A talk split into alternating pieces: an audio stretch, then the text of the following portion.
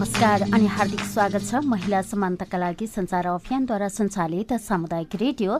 Radio मुक्तिबाट प्रसारण हुने कार्यक्रम समय सन्दर्भमा कार्यक्रमसँगै उपस्थित भइसकेका छौँ प्राविधिक मित्र मनिषासँगै म प्रतिमा गौतम। तपाईँले हामीलाई रेडियोको website W W W dot radio Mukti dot O R G login गरेर मोबाइल एप्लिकेसनको हाम्रो पात्रमा रेडियो मुक्ति बुटल सर्च गरेर पनि संसारभर एकैसाथ सुन्न सक्नुहुनेछ। कार्यक्रम समय सन्दर्भमा रहेर हामीले समसामयिक विषयवस्तु वा घटनाक्रमलाई जोड्ने गर्दछौँ। समाजभित्र भइरहेका गतिविधिहरू के भइरहेका छन् त भन्ने विषय प्रसङ्गलाई हामीले उठाउने गर्दछौँ। आजको कार्यक्रम समय सन्दर्भमा रहेर पनि हामीले यस्तै विषय प्रसङ्गलाई उठाउने प्रयत्नमा छौँ। बुटोल उपमहानगरपालिकालाई उत्कृष्ट उपमहानगरपालिका घोषणा गर्नका लागि टोल विकास संस्थाहरूले गरेको भूमिका अतुलनीय रहेको छ। टोल विकास संस्थाहरूले गरेको कार्यहरू उत्कृष्ट कार्य सम्पादन गरे बापत पनि बुटोल उपमहानगरपालिकाले तिन पटकसम्म उत्कृष्ट उपमहानगरपालिकाको संज्ञा पाइसकेको छ। यसै सन्दर्भमा रहेर हामीले टोल विकास संस्थामा हुने गरेका कामहरू कसरी कामहरू भइरहेका छन् समस्याहरू के छन् भन्ने विषयमा आज हामी कुराकानी गर्नेछौँ र समग्र यस्तै विषयमा कुराकानी गर्नका लागि हामीसँग हुनुहुन्छ पूर्व सिद्धनगर दुर्गापथ टोल विकास संस्था बुटल एघारका संस्थाका अध्यक्ष हुनुहुन्छ। त्यस्तै कालिका मानव ज्ञान माध्यमिक विद्यालयका शिक्षक अभिभावक सङ्घका सदस्य पनि हुनुहुन्छ। विभिन्न सङ्घ संस्थाहरूमा आबद्ध हुनुहुन्छ। माया घेवाली हामी उहाँसँग कुराकानी गर्ने प्रयत्नमा छौँ। नमस्कार यहाँलाई कार्यक्रममा हार्दिक स्वागत छ। धन्यवाद म्याडम। तपाईँ यो पूर्व सिद्धनगर दुर्गापथ बुठोल एघारको टोल विकास समितिको अध्यक्ष भएर तिन वर्ष जति बिताइसक्नु भएको छ। कस्तो रहेको छ कार्यकाल? एकदमै राम्रो छ म्याडम। अब टोल संस्थामा रहेर टोलका जुन टोलवासीहरूसँग घुलमिल भएर काम गर्न पाउँदा एकदमै आनन्दको अनुभूति हुन्छ। एकदमै राम्रो छ म्याम। तपाईँहरूले टोल विकासमा रहेर खास के के काम गर्नुपर्छ? टोल विकासमा रहेर चाहिँ अब खास गरी त यो हाम टोल विकास संस्था भनेको एउटा नेपाल सरकारको तल्लो तहमा रहेको एकदम महत्त्वपूर्ण अङ्ग हो।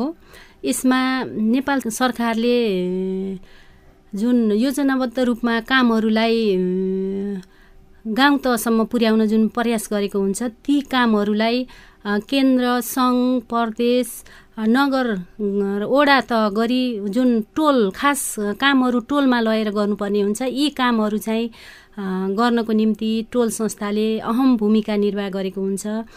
जस्तै विभिन्न नेपाल सरकारका योजनाहरू जस्तै निर्माणका योजनाहरू भए बाटो बनाउने पुल पुलहरू मन्दिरहरू टोलमा रहेर गर्ने कामहरू सम्पूर्ण कामहरू चाहिँ एउटा टोल संस्थाको मातहतमा नै छोडिदिए छोडिदिएको हुन्छ। टोल संस्थाको अगुवाईमा टोल संस्थाले त्यहाँ विभिन्न टोलवासीहरूलाई उपस्थित गराएर उपभोक्ता समिति गठन गरेर विभिन्न कामहरू गर्नुपर्ने हुन्छ र गर्दै आइएको पनि छ।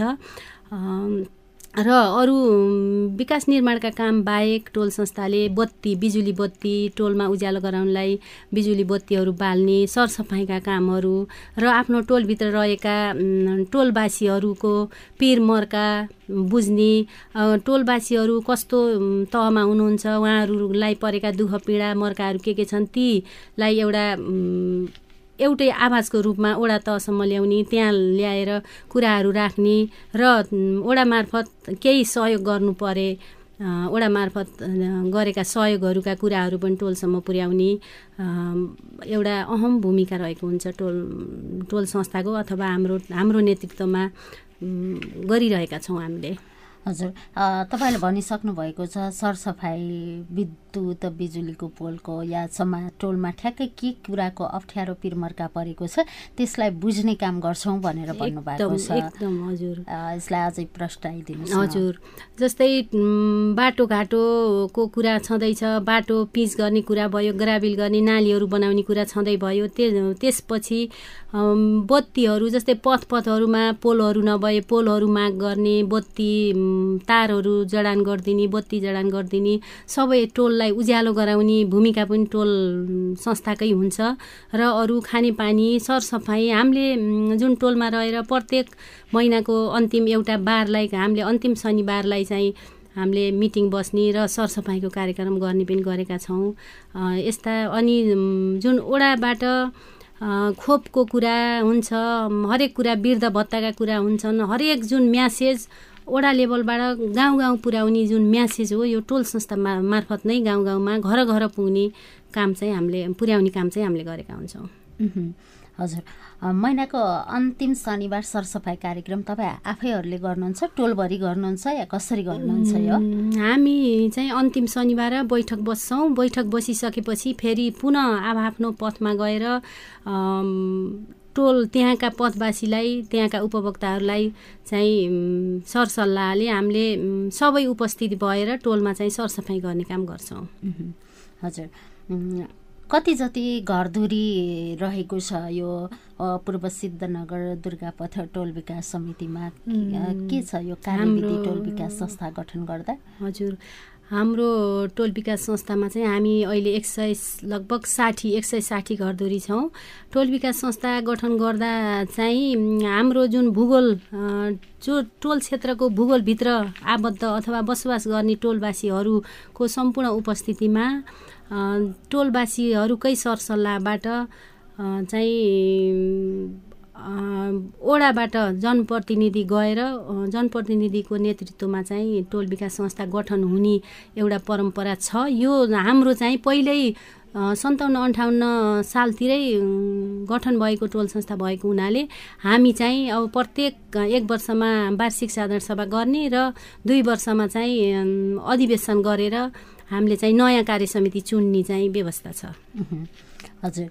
तपाईँ टोल विकास समितिको अध्यक्ष भएर काम गरिरहँदा ओडासँग कतिको समन्वयन भएको छ? त्यहाँका विकास निर्माणका कामहरूलाई होइन?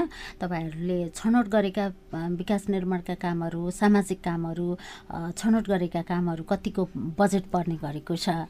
एकदम म्याडम हामीले मैले अघि पनि भनिसकेँ हामीले जुन नगर ओडाबाट हामीलाई निर्देशित हुन्छ कि हामीले वर्षमा एकपटक हामीले नै टोल विकास संस्थाले नै आफ्नो टोलमा के कस्ता विकास निर्माणका कामहरू गर्नुपर्ने छ भन्ने कुरा हामी टोलवासीहरूले नै एउटा छलफल गरेर अनि कुन योजनाहरू अहिले पठाउने कुन अलि पछि पठाउने अथवा कुन तत्काल गर्नुपर्ने छ कुन अलि पछि गरे पनि हुन्छ भन्ने जस्तो हामीले हामी टोलवासी नै बसेर छलफल गरेर प्राथमिक प्राथमिकताका आधारमा चाहिँ हामीले योजनाहरू पठाउने गर्छौँ र हामीले पठाएको योजनालाई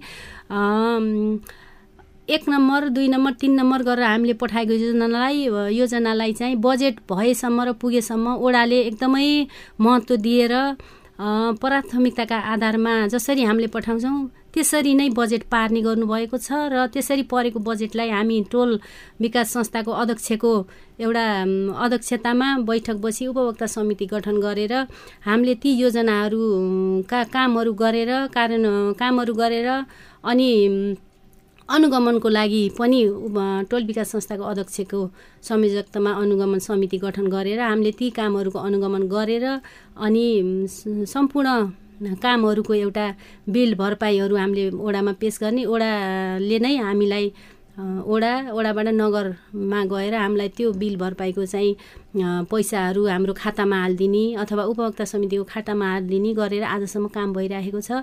टोल विकास संस्थालाई वडा लेभलबाट चाहिँ एकदमै राम्रो एकदम महत्त्व दिएको छ। हाम्रा काम कुराहरू पनि सुनिन्छ। र हामीले भनेअनुसार यसरी यो समस्या छ पैसा हामीलाई बजेट चाहियो यहाँ गर्नु पऱ्यो भने हामीले कुरो राख्यौँ भने उहाँहरूले त्यस्तो नाइ भन्ने त्यस्तो गर्नुहुन्न। हाम्रो विश्वासमा प्राथमिकताका आधारमा चाहिँ बजेट विनियो विनियोजन गरिदिने चाहिँ अहिलेसम्म चलिरहेको छ। हजुर। तपाईँ महिला ओडाको टोलको अध्यक्ष भएको हिसाबले पनि महिलाको हुनुहुन्छ। त्यहाँ महिलाहरूको समस्या के देख्नु भएको छ? टोल विकास संस्थामा रहेर कस्ता खालका कार्यक्रमको लागि नगरपालिकाले बजेट छुट्यायो भने उपयुक्त हुन्छ जस्तो लाग्छ तपाईँलाई? अब म एउटा महिला अध्यक्ष भएको नाताले मेरो टोलमा चाहिँ अब यस्तो मिश्रित हुनुहुन्छ। अब अलि सम्पन्न मध्यमवर्गीय निम्नवर्गीय सबै किसिमको बसोबास छ मेरो टोलमा।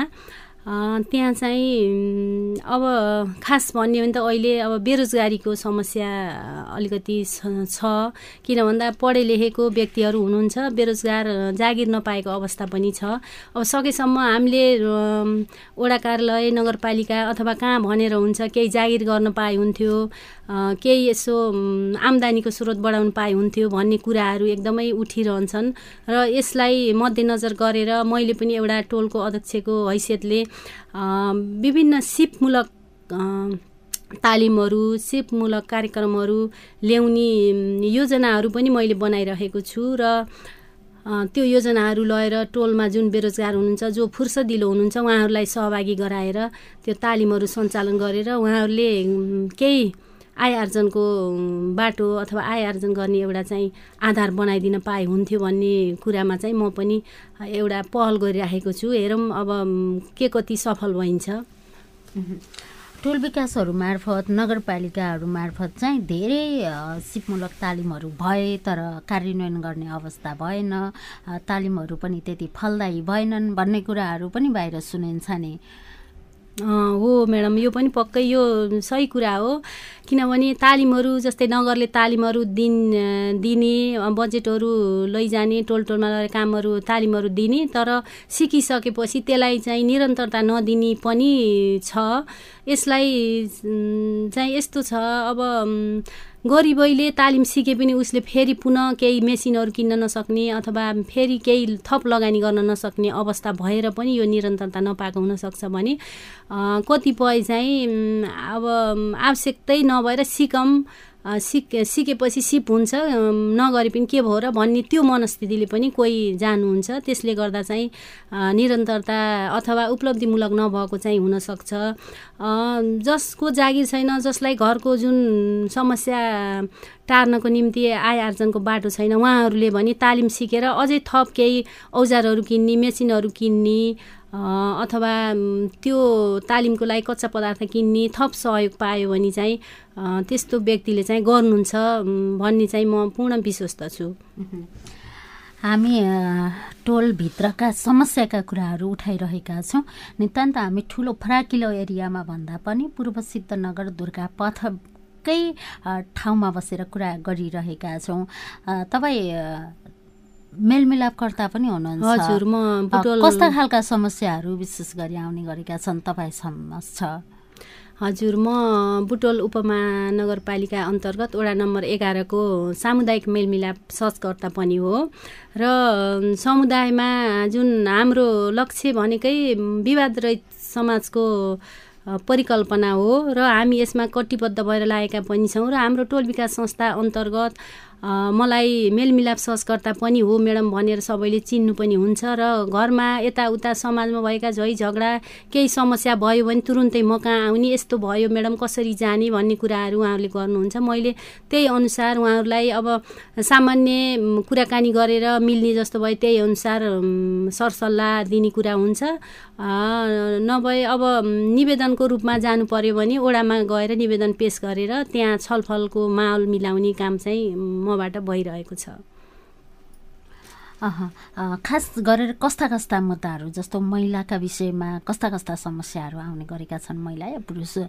खास गरेर मुख्य रूपमा समस्या विवाद कस्ता विषयमा आउने रहेछ हजुर अब समस्या विवाद त विशेष गरी श्रीमान श्रीमती को अलिकति बेमेलका कुराहरू आउँछन्। प्रथम त दोस्रो रूपमा अहिले यो जुन जग्गा सम्बन्धी विवाद पनि एकदमै तीव्र रूपमा आइरहेको छ जस्तै बाटो मिचेको अनि सार्वजनिक जग्गा जुन अव्यवस्थित जग्गामा अर्काले हडपेर बनाएको अनि त्यो पहिला मेरो थियो अहिले किन भएन यस्ता यस्ता यस्ता अनि घराइसी झै झगडा पनि आउँछन् विविध समस्याहरू लिएर आउनुहुन्छ। हजुर। कार्यक्रमको विषयमा रहेका छौँ हामी। विशेष गरेर आज पूर्व सिद्धनगर दुर्गापथ टोल विकास समितिका अध्यक्ष माया गेवालीसँग कुराकानी गरिरहेका छौँ। तपाईँ अलिकति आफ्नो पढाइ पनि पुरा गर्नुभयो। विभिन्न ठाउँमा जागिरे जीवन पनि बिताउनु भयो अहिले समाजसेवामा लाग्नु भएको छ। कतिको आत्मसन्तुष्ट हुनुहुन्छ? धन्यवाद म्याडम। मेरो मनकै कुरा हजुरले गरिदिनु भयो मलाई आत्म आत्मसन्तुष्टि त ठिकै ठिकै छ। अब अध्ययन गरियो। अध्ययन जुन मास्टर त सकाएर मैले अध्यापन पनि गरेँ। विभिन्न सङ्घ संस्थामा जागिर पनि गरेँ र अहिले आएर आफ्नै परिस्थितिका कारण म घरमै घरमै छु र यस्तै समाजसेवामा आबद्ध छु। तर त्यति धेरै आत्मसन्तुष्टि चाहिँ छैन जति मनले सोचेको जति गर्न सक्छु गर्न खोजेको छु त्यति पर्याप्त नभए जस्तो लाग्छ मलाई। के कारणले होला? समाजभित्र काम गर्दाखेरि होइन एउटा जागिरपाट र अर्को समाजसेवा दुइटैको अनुभव तपाईँले गर्नुभएको छ। यो समाजसेवा गर्दा के के गाह्रो हुँदो रहेछ? अत्यन्तै गाह्रो पनि र रमाइलो पनि आनन्द अनुभूति पनि सबै कुरा समाजसेवामा छ। समाजसेवा यस्तो कुरा हो कि समाजसेवा गरिसकेपछि जब हामीले समाजमा सेवा दिन्छ हामीले दिएको सेवाबाट समाजमा बसोबास गर्ने व्यक्तिहरू चाहिँ सन्तुष्टि हुनुपर्छ। समाजमा बसेका व्यक्तिले हामीलाई सकारात्मक रूपले हेऱ्यो भने मात्र हाम्रो समाजसेवा चाहिँ सफल भएको मान्छु मैले। अब त्यस अर्थमा अब विभिन्न कुराहरू छन्। अब सोचे जस्तै गरेर समाजसेवा गर्न पनि नसकेको हो कि जस्तो मलाई अनुभूति पनि हुन्छ। अब सबै कुरा सामाजिक बन्धन अथवा हरेक कुराहरूलाई गर्दाखेरि त्यति खुलेर गर्न नसकिएको हो कि जति गर्नुपर्ने समाजसेवा ज जति जनतालाई चित्त बुझाउन सक्ने हो त्यो चाहिँ गर्न नसकेको अनुभूति चाहिँ भइरहेको छ। हजुर अहिले अलिकति समाजसेवा गर्ने व्यक्ति राजनीतिमा पनि हुनुहुन्छ तपाईँ राजनीति गर्ने व्यक्तिहरूलाई ए यिनीहरू खानै त आएका होलान् नि लुट्नै त आएका होलान् नि भन्ने किसिमबाट अलिकति भर नपर्ने खालको त्यस्तो यता कता तपाईँले सुन्न परेको छ या कस्तो छ अवस्था? एकदम म्याडम धन्यवाद हजुरलाई यो प्रश्नको लागि। एकदमै कठिन छ किन भन्दा अहिले हाम्रो देशको राजनीतिक माहौल चाहिँ त्यति राम्रो छैन। यसले गर्दा समाजमा बस्ने सिधा सादा नबुझेका जनताहरू त सिधै हुनुहुन्छ भनेको मान्नुहुन्छ सुन्नुहुन्छ तर बिचमा एउटा मध्यम बौद्धिक व्यक्ति हुनुहुन्छ। उहाँहरूले सबै कुरा बुझ्नुभएको छ तर समाजमा खुलेर आउनु न र उहाँहरूले हामी जाँदा जस्तै यस्तो काम गर्नु पर्यो यो गर्नु पर्यो भनेर जुन हामी कुरा लिएर जाँदा उहाँहरूले जुन एउटा विश्वास नगरिदिएको अवस्था पनि छ। किन भन्दा देश यस्तो भइसक्यो कसैले केही गरेन न तपाईँहरूले यसरी गरेर के हुन्छ र भनी जस्ता एउटा मनमा नैराश्यता आएका कुरा चाहिँ व्यक्त गर्नुहुन्छ। त्यो गर्दा हामीलाई पनि कता कता खिन्न हुन्छ। किनभने हामीले समाजसेवा गरेर उहाँहरूलाई एउटा यिनीहरूले गरेका छन् है भन्ने एउटा अनुभूति गराउन नसक्नु चाहिँ हाम्रो यो परिस्थितिले पनि सिर्जना गरेको एउटा माहौल बनेको छ। यसमा म पनि त्यति सन्तुष्टि चाहिँ छैन। हजुर। तपाईँले यो काम गरिरहँदाखेरि साँच्चै नै सामान्य हिसाबबाट पनि भ्रष्टाचार चुलिएको कुराहरू होइन? सानो सानो तहमा पनि भ्रष्टाचार बिना त एउटा काम पनि सम्पन्न हुन्न भन्ने खालको सोचाइ मानसपटलमा छ नि त अहिले सर्वसाधारणमा। बाटोघाटो निर्माणको लेसा यस्ता सामान्य बजेटमा पनि त्यो कस्तो छ? पारदर्शिताको हिसाबले तपाईँहरूले काम गर्दाखेरिको अवस्था होइन? अनि समाजसेवा गर्दाखेरि हुने झैझगडाका कुराहरू कसरी समाधान गर्नुभएको छ? यस्तो छ। अब भ्रष्टाचारको कुरा त मान्छेमा पनि भर पर्ने हो। कसले कसरी कुन काम गर्छ र त्यसलाई हेर्नेमा पनि हेर्ने दृष्टिकोणमा पनि फरक फरक हुन्छ। पहिला पहिला जस्तो जुन पञ्चायती कालमा जसरी दमन गर्दै मान्छेले आफ्नो एक एकतन्त्रीय शासन लादेर जनताहरूलाई दुःख दिने त्यस्तो अवस्था त अहिले छैन। धेरै कुरा सहज हुँदै आएको छ। यही भनिरहँदा पनि कस्तो छ भने देशमा प्रजातन्त्र आयो तर व्यवहारिक रूपमा भौतिक रूपमा प्रजातन्त्र आएको छ तर वैचारिक रूपमा मानसिक रूपमा चाहिँ प्रजातन्त्र आएको छैन जस्तो मलाई अनुभूति हुन्छ। किन भन्दा ज कतिपय कुराहरू व्यवहारिक रूपमा देखाइन्छ र जुन वैचारिक रूपमा अथवा मान्छेको दिमागले नै मान्छेको विवेकले नै त्यो कुरा नगरेको पाइन्छ। त्यसैले यी कुरालाई चाहिँ अब गर्ने र हेर्ने व्यक्तिमै भर पर्ने कुरा हो तर पहिला जस्तो छैन सहज छ पारदर्शिता पनि अहिले चाहिँ त्यस्तो नभएको अवस्था चाहिँ छैन। राम्रै ठिकै छ भन्नुपर्छ। हजुर। तपाईँले भनेअनुसार त्यति धेरै असन्तोष हुनुपर्ने अवस्था छैन। त्यति धेरै अब हाम्रो क्षेत्रमा मैले जति निहालेको छु त्यो चाहिँ अब त्यस्तो असन्तुष्टि हाम्रो अब वडा नगर लेभलबाट हामीले गरेका कामहरूलाई मैले यसरी हेर्दाखेरि त्यस्तो असन्तुष्टि नै हुने अवस्था त छैन। तर पनि यो जति मान्छेले जुन भौतिक उपस्थितिको रूपमा कुरा गर्छन् समानताका कुरा गर्छन् हरेक कुरा गर्छन् तर यो भौतिक रूपमा गरेका कुरा र मान्छेले जुन वैचारिक रूपमा अथवा बौद्धिक रूपमा अथवा जुन व्यवहारले देखाएका कुरा र उसले सोचेका कुरामा चाहिँ धेरै अन्तर छ। स्वतन्त्रता प्रजातन्त्र समानता समानुभूति भन्ने कुराहरू चाहिँ त्यति जति सोचेको छ त्यति चाहिँ व्यवहारमा छैन। छैन भन्छु मैले। अब यस यो गराउनको निम्ति चाहिँ अलिकति अझै पनि हामीले केही सङ्घर्ष गर्नुपर्छ। अलिकति हामी हिंसाका कुरा गरौँ। हिंसा मुक्त समाज भनेर लैङ्गिक हिंसा मुक्त सहर बुटोल उपमहानगर भनेर एउटा कार्यनीति पनि तयार भएको थियो रणनीतिक योजना पनि तयार भएको थियो। लैङ्गिक हिंसा मुक्त सहर बनाउनका लागि भनेर टोलहरूमा त्यो खालको सूचना गर्ने निगरानी समितिहरू पनि बनाउने भन्ने कुराहरू पनि आएको थियो। अवस्था कस्तो देख्नु भएको छ लैङ्गिक हिंसामुक्त समाज बनाउने कुरा र हामी पनि नगरमा आएर कतिपय कार्यक्रमहरूमा भाग लियौँ त्यो कुरा चाहिँ हो। तर टोल टोलमा गएर यस्तो समिति गठन चाहिँ हामीले गरेका छैनौँ। अब वडाबाट त्यस्तो निर्देशन टोल टोलमै लैङ्गिक हिंसामुक्त समिति जुन गठन गर्ने भन्ने कुरा चाहिँ हामीले गरेका छैनौँ। अब लैङ्गिक हिंसा त हुन्छ हुन्छ र त्यसको प्रतिकार गरेर त्यसलाई यहाँनिर यसरी हिंसा भयो भनेर आफै हिंसामा जुन परेको छ त्यो व्यक्तिले उठायो भने त्यसको समाधान चाहिँ अहिलेको परिप्रेक्ष्यमा नहुने भन्ने छैन। जो हिंसामा पर्यो त्यसले चाहिँ आवाज उठाउनै पर्छ हिंसा मुक्त समाज गर्न गराउनको निम्ति।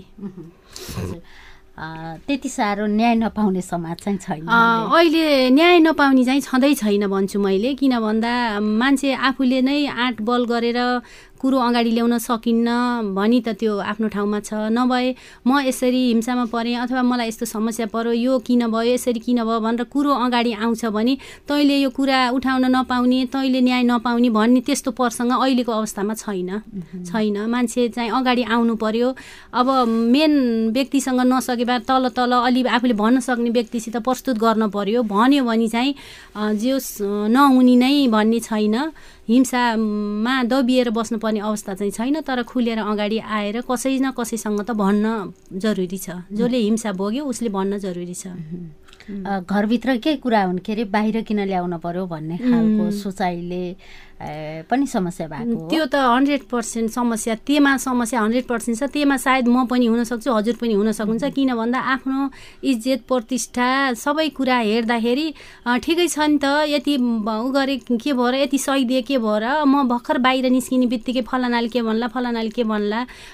सबै कुरा बिग्रिन्छ। होस् नि त भनेर सायद मैले पनि भोगेको छु कि हजुरले नि भोग्नु भएको छ कि? भनौँ न त्यो कुरा चाहिँ खुलेर आयो भने मात्रै त थाहा हुने हो। त्यही भएर हिंसा भएको व्यक्तिले व्यक्तिले कतिसम्म हिंसा सहने कतिसम्म नसहने कतिसम्म प्रस्तुत गर्ने भन्ने कुरा उसमा भर पर्ने कुरा हो। तर सहनै नसक्ने हिंसा हुन्छ भने दबिएर बस्न पनि जरुरी छैन। अगाडि आएर खुलेर बोल्ने र त्यो हिंसालाई चाहिँ कम गर्ने निर्मूलै गर्न पनि हामीले सक्छौँ। हामी नै अगाडि बढ्नुपर्छ। हजुर। कार्यक्रमको हामी अन्तिममा आइपुगेका छौँ। अन्तिममा चाहिँ के भन्नुहुन्छ? धेरै महिला दिदीबहिनीहरू घरभित्रै हुनुहुन्छ। समाजसेवा गर्ने रहर आफ्ना जागिरका रहरहरू धेरै रहरहरू धेरै कारणहरूले गर्दा बाँध्नु भएको छ। तर भित्र रहर चाहिँ छ भने उहाँहरूलाई के भन्नुहुन्छ? कसरी बाहिर आउनको लागि केही सल्लाह दिनुहुन्छ? धन्यवाद म्याडम। धेरै दिदीबहिनीहरू इच्छा पनि छ र आउन खोज्नुहुन्छ पनि। कति आउनु पनि भएको छ।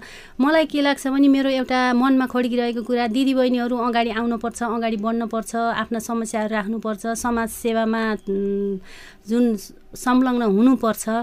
यसरी भइरहँदा हाम्रो महिला दिदीबहिनीहरूले बुझ्नुपर्ने मेन कुरा मलाई के लाग्छ भने हामीले आफै गरौँ के? हामी महिला दिदीबहिनी कहाँनिर कमजोरी छौँ र हामी एउटा कमजोरी भए अर्को द अलि दरिलो हुनुहुन्छ होला। एक अर्काको सहयोग सहयोग लिउँ दिदीबहिनी मिलेर हामीले गरौँ। हामी जुन महिलाले बरु थोरै गरौँ महिला नै महिलाकै अग्रतामा कामहरू गरौँ र ए महिलाले नि गर्छन् नि भन्ने हामीले देखाउन जरुरी छ र हामीले यो जुन पुरातन यो पुरुष हाम्रो यो पुरुष प्रधान देशमा चाहिँ जतिसुकै गरे पनि यो पुरुषको नेतृत्व पुरुषको जुन बोली जति अहिले मानिन्छ महिलाको चाहिँ ए महिला त हुन् नि भन्ने पनि कुनै कुनै प्रसङ्गमा आउँछ। यसलाई हामीले चिरेर जानुपर्छ। महिलाले चाहिँ महिलालाई नै सपोर्ट गरेर महिलालाई जस्तै हामी महिला महिला मिलेर महिलाकै महिलालाई नै हामीले ठाउँमा पुऱ्यायौँ भने त महिलाले फर्केर कसो महिलालाई नहेर्नु होला र त्यही भएर सक्षम महिलालाई ठाउँ दिउँ सक्षम महिलालाई चिनौँ र महिला नेतृत्वलाई चाहिँ हामीले अगाडि बढाउँ। पक्कै पनि त्यसरी गएर हामीले नै पठाएको महिला दिदी बहिनीहरूले चाहिँ महिलालाई नै पक्कै पनि ख्याल गर्नु नि छ महिलाकै समस्या बुझ्नु नि छ भन्ने मलाई लाग्छ। त्यही भएर हामीले महिला दिदी बहिनीहरू नै जुटेर हामीले काम गर्नु पर गर्नुपर्ने आवश्यकता मैले देख्छु। त्यही भयो त्यसो हुँदा चाहिँ अब अग्रस्थानमा आउने र जुन नेतृत्व लिने यदि नेतृत्व लिन नसके पनि नेतृत्व गर्न सक्ने महिलालाई चाहिँ साथ दिउँ सपोर्ट गरौँ अगाडि बढाउँ। र महिलाको जुन एउटा पछि परेको जुन अवस्था छ दबिएको अवस्था छ हिंसामा परेको अवस्था छ त्यसलाई चाहिँ पक्कै पनि नेतृत्व गर्न गएको महिलाले पक्कै पनि सम्बोधन गर्नु नै छ भन्नेमा एउटा आशा विश्वास गर्दछु मैले। हुन्छ कार्यक्रममा आएर हामीलाई आफ्नो अमूल्य समय महत्त्वपूर्ण विचार व्यक्त गर्नुभयो। यहाँलाई धेरै धेरै धन्यवाद। धन्यवाद हजुरलाई पनि र यो यसरी मलाई चाहिँ यो रेडियो मुक्तिमा जुन निमन्त्रणा गरेर बोलाउनु भएर मैले यसरी आफ्ना मनमा भएका केही कुरा राख्ने एउटा अवसर दिनुभएकोमा यहाँ हजुर लगायत रेडियो मुक्ति परिवारलाई मैले हृदयदेखि नै धेरै धेरै धन्यवादसहित आभार व्यक्त गर्दछु।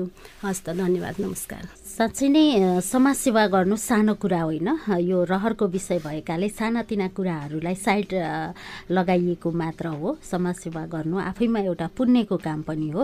हामीले लामो समयदेखि समाजसेवाको क्षेत्रमा लाग्नुभएकी पूर्व सिद्धनगर दुर्गा पथ टोल विकास समिति बुटोल एघारकी अध्यक्ष त्यस्तै कालिका मानव ज्ञान माध्यमिक विद्यालय बुटोलकी शिक्षक अभिभावक सङ्घ सदस्य तथा बुटोल उपमहानगरपालिका वडा नम्बर एघार कि मेलमिलापकर्ता माया गेवालीसँग कुराकानी गऱ्यौँ यही कुराकानीसँगै कार्यक्रमको अन्त्यमा छौँ। पुनः एकपटक आजका अतिथिलाई धन्यवाद भन्दै कार्यक्रम सुनेर साथ दिने तपाईँ सम्पूर्णलाई धन्यवाद भन्दै प्राविधिक मित्र मनिषासँगै म प्रतिमा गौतम आज्ञा चाहे। नमस्कार सुन्दै रहनुहोस् रेडियो मुक्ति।